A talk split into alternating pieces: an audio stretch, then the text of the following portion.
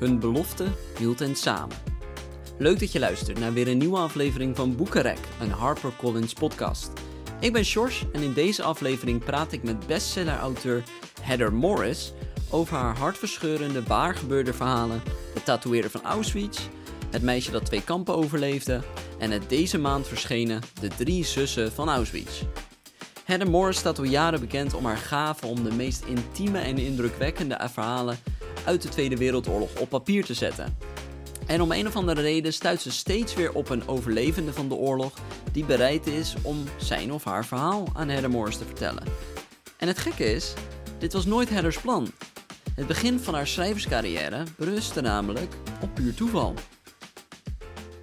I'm very glad to be joined on the Boekrek podcast today by the author of the Auschwitz trilogy, and that's Heather Morris. Welcome.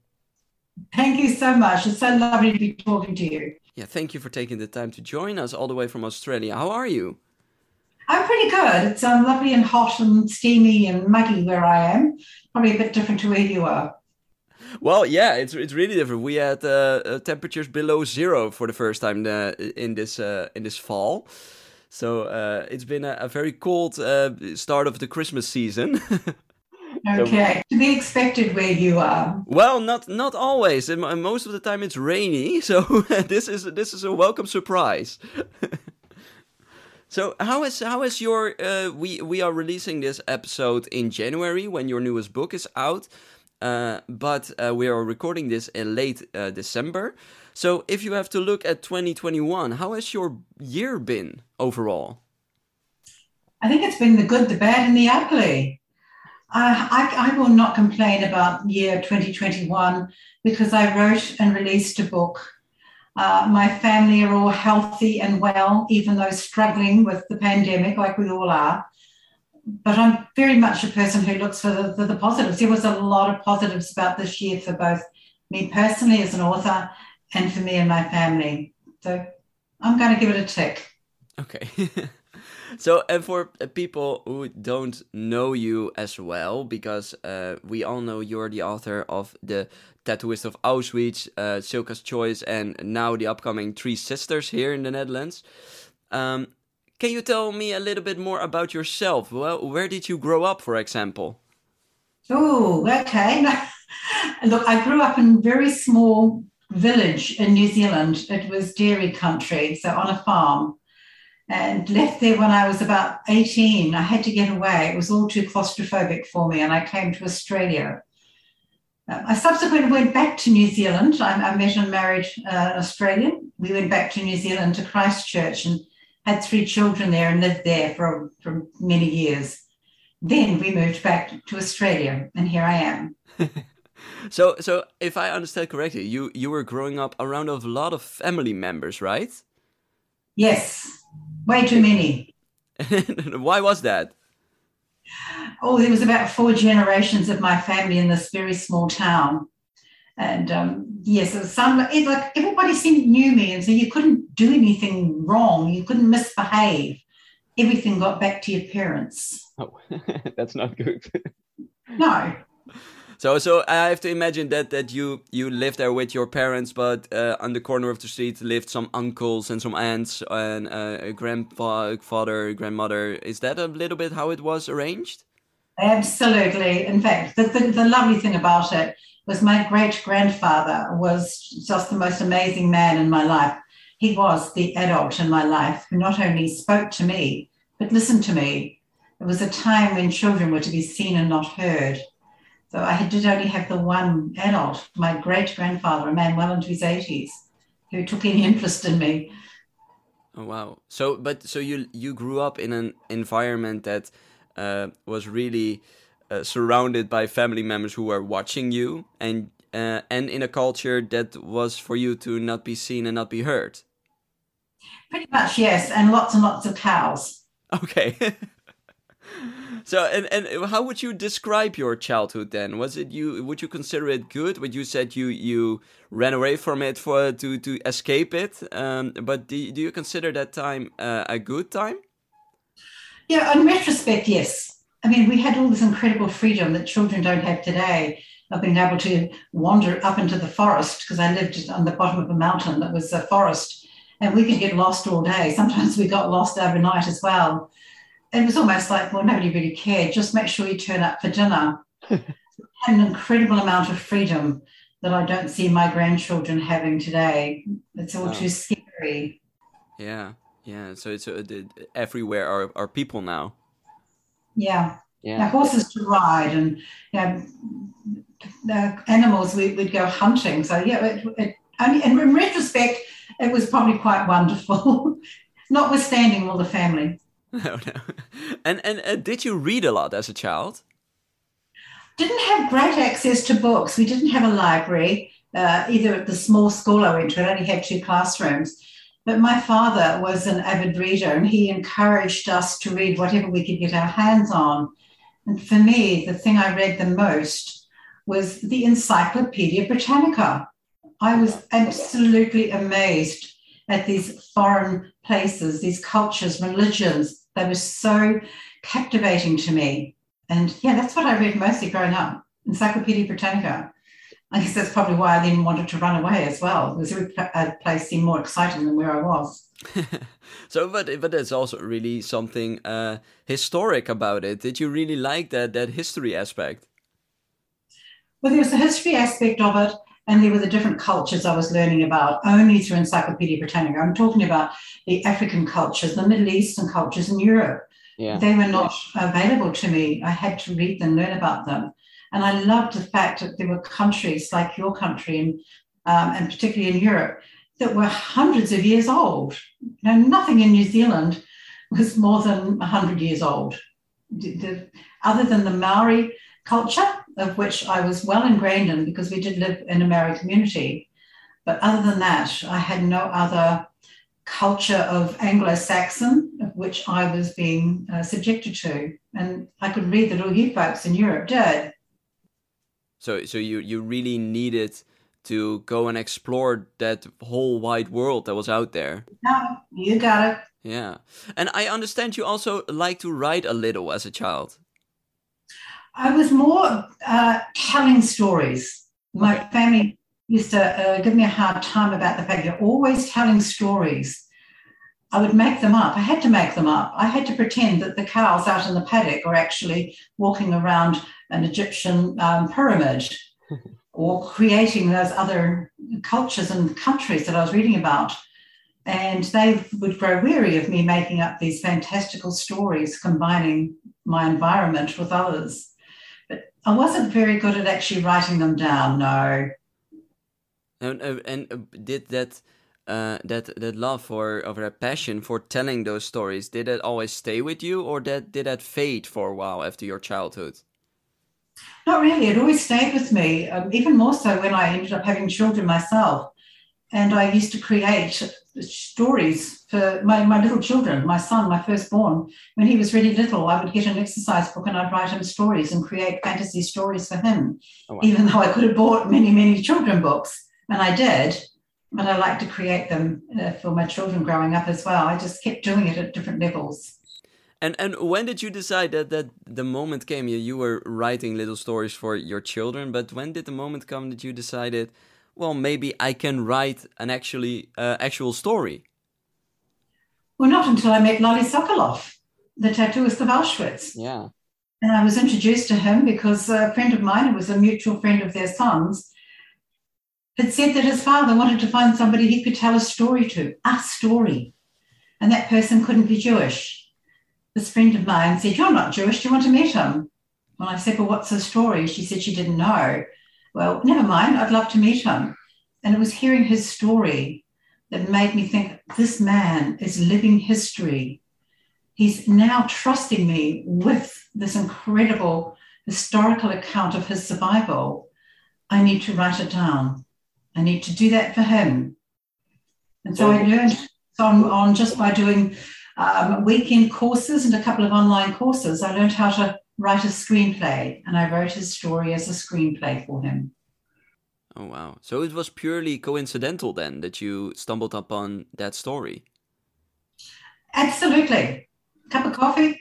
You want to meet this man? Sure, why not? and then your life changed. Yes, it did. Yeah. So and and what was it about that story that you thought I I, I need to to to write this down? I need to people to hear this story. Because I couldn't find anything written from the perspective of the Holocaust from one individual, particularly somebody who was so significant in retrospect, the role he had in Auschwitz, being the person who made those iconic numbers that we associate the Holocaust with the, the tattooed numbers. And here I was now spending time with him.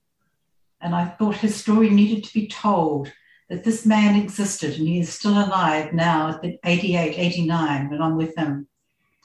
And it had this beautiful love story with it. It didn't, it didn't work, his story, without the love story. And and what what what do you think um, why did he need to tell this story and why couldn't he tell it to like you said he, he didn't want to tell it to someone jewish why did he needed to tell it to you do you think his reason for not telling it to somebody who was jewish was very simple and very clear to him there could not be a jewish person alive who was not touched or affected by the holocaust that even those who didn't you know endure it they would have family who had, and so they would have baggage. And how could they tell his story if they had their own story? But that was his reasons for telling it to me. In terms of telling it to me, you know, it took many, many months for him to get to know me before he really trusted me. It was my just going and spending time with him, him getting to know me, getting to know my family, even more importantly, before he got that level of trust to be able to tell me the really deep emotional part to his story and his survival. Oh wow, that's that's amazing. So so he really needed to to to find someone he could trust completely to open up. Yeah, and somebody who would just keep coming and spending time with him. Two to three times a week, I went and saw him. And I just sat and listened to him. I didn't record anything, I didn't write anything down. I just let him talk and just watched how it started to change him from a man who, every time he saw me, would say to me, Hurry up and write my story. I need to be with Gita. He wanted to die, he wanted to be with his wife. Oh, wow. And then it changed. He suddenly found a reason to live. And that reason was to make sure that his story was now being told. It was a story that he'd not told because Gita, his wife, would not let him. She had been very clear we will not talk about Auschwitz Birkenau, not to their son, only to other survivors who they knew, who knew what they'd been through. So she had actually prevented him, and he'd respected that and not spoken about it. But something inside of him really needed to tell this. Yes, eventually. indeed. Yeah, absolutely. So, so and, and how did um, you you got to know him pretty well? He got to know you pretty well. How how did uh, your family, but also his son, respond when after all these years his father told him this incredible story? Well, his son actually had to learn a lot about his parents through reading the manuscript when I wrote it and the screenplay. And Lale was alive at that point. He read many drafts of the screenplay, and his son was continually being shocked by it. Yeah. And his father would just shake his head, Your mother didn't want you to know. Oh, wow. It must have been really tough for both of them. It's always tough on the children of survivors. Yeah. Even the ones of the three sisters, they thought they knew everything there was to know about their mother's survival. But when the mothers, the two that are still alive, they're 96 and 98, when they started talking to me and getting to know me and trusting me, they were then revealing things they hadn't shared with their children. So again, another generation learnt about their mother or their mothers and even their fathers too, because all three of the sisters married Holocaust survivors. Yeah. So you you have this what started with uh, the tattooist of Auschwitz really uh, opened up something for you, and you really seem to have a gift uh, of have people open up to you about their incredible stories from the war. How do you experience hearing all those stories for yourself? That great grandfather of mine, who I mentioned, he taught me that if you just shut up and listen, girlie, that's how you'll learn. Shut up and listen. And he would sit with me every afternoon after school and get me to listen to this, the noises around me, which were really much um, animals, the cows, the, the, the, dogs barking, rounding them up. The, the, whose tractor is that you can hear? And I learned from a very young age how to actually, it's called actively listen. You don't know that you've learned it. It's just something becomes part of you. And for 20 plus years, I worked in a hospital in Melbourne in the social work department, where every day I met people who didn't want to be there. They were there because something tragic and traumatic had happened to them or a family member. And I had to listen, of course, to be able to help them. So, yeah, Lale and, and the sisters, um, somehow they seem to they seem to get it that I'm going to listen to them, really listen to them, and not judge them. I think that's some something we can all learn from in these times, just to listen to someone and not just judge.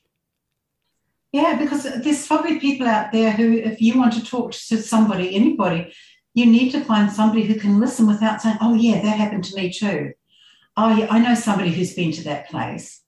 Just just try listening to somebody. You'll get so much more out of them and so much more information. It will help you and it will help them. Yeah, and we we now come uh, to a time where um, the the most of the uh, survivors of the Second World War have passed. Um, what uh, what does that mean for your stories? What do you want uh, the, the, the the our generation to learn from those stories? For me, the big thing about reading about Holocaust survivors or anybody that's in any kind of war or conflict is that unless you've been there also, you don't get to judge them. Respect them, admire them for their survival. I'm not just talking about Holocaust survivors. I'm talking about you know, the, the men and the women in countries where wars have been fought who have done things that they would not normally do under ordinary circumstances. And if they want to talk about it and they want me to write about it, then none of us get to judge them for that. And, and that's the key message, I think, is that these people have survived for a reason because they had tenacity, they had willpower, they had resilience. And in case of Lale, he had the, the love of Gita. Gita had the love of Lale. In the case of the three sisters, they had each other. So the whole aspect of family and friends and being there for them and supporting them is what kept these people alive back then. It's what's keeping many of us alive right now as we all endure the pandemic. Yeah.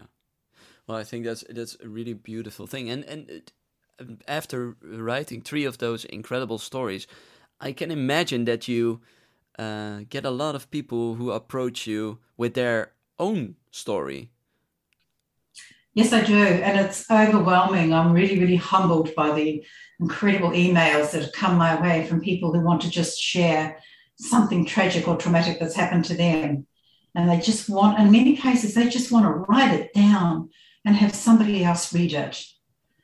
And that's enough for them. I, I, I correspond with many, um, probably too many, I think my publishers would say, because, but I just respect that they've taken the effort and they've shown a vulnerability in their own being to write to a stranger and, and share something. I, I, actually honor them for doing that. And if that helps them, then that's even better. It's incredible. And so you now have written three of those incredible stories. Um, are there are, are you going to write more or do you say now well for now that's it or or do you have more like you said you have a lot of input um, is there is there are there more stories you're working on uh, right now from the war? Absolutely, but uh, they're not at the moment the Holocaust stories. There are so many other aspects to conflict and other theatres of conflict as too as well. So you know, there's the European conflict, of course, but for us, particularly here in Australia and New Zealand, the, the Second World War in particular, it played out more in Asia Pacific. Yeah. And so there, there are incredible wealth of stories out of that era and that theatre of war. And I've been lucky to, to meet people who were involved in yeah those other places. So you, so you now you're going to shift your view from Europe to the Pacific. Asia Pacific. Yeah, Asian Pacific. Okay. Well, I, I I think I want everyone to just yeah. I urge everyone if you haven't read one of those stories or all of them, uh, I urge you to go and read them, and especially the newest, the Three Sisters. Um, Heather Morris, I really want to thank you for taking the time to talk to me today on this podcast. Look, my pleasure, absolutely. And yes, remember the names of Livia, Magda, and Sibi.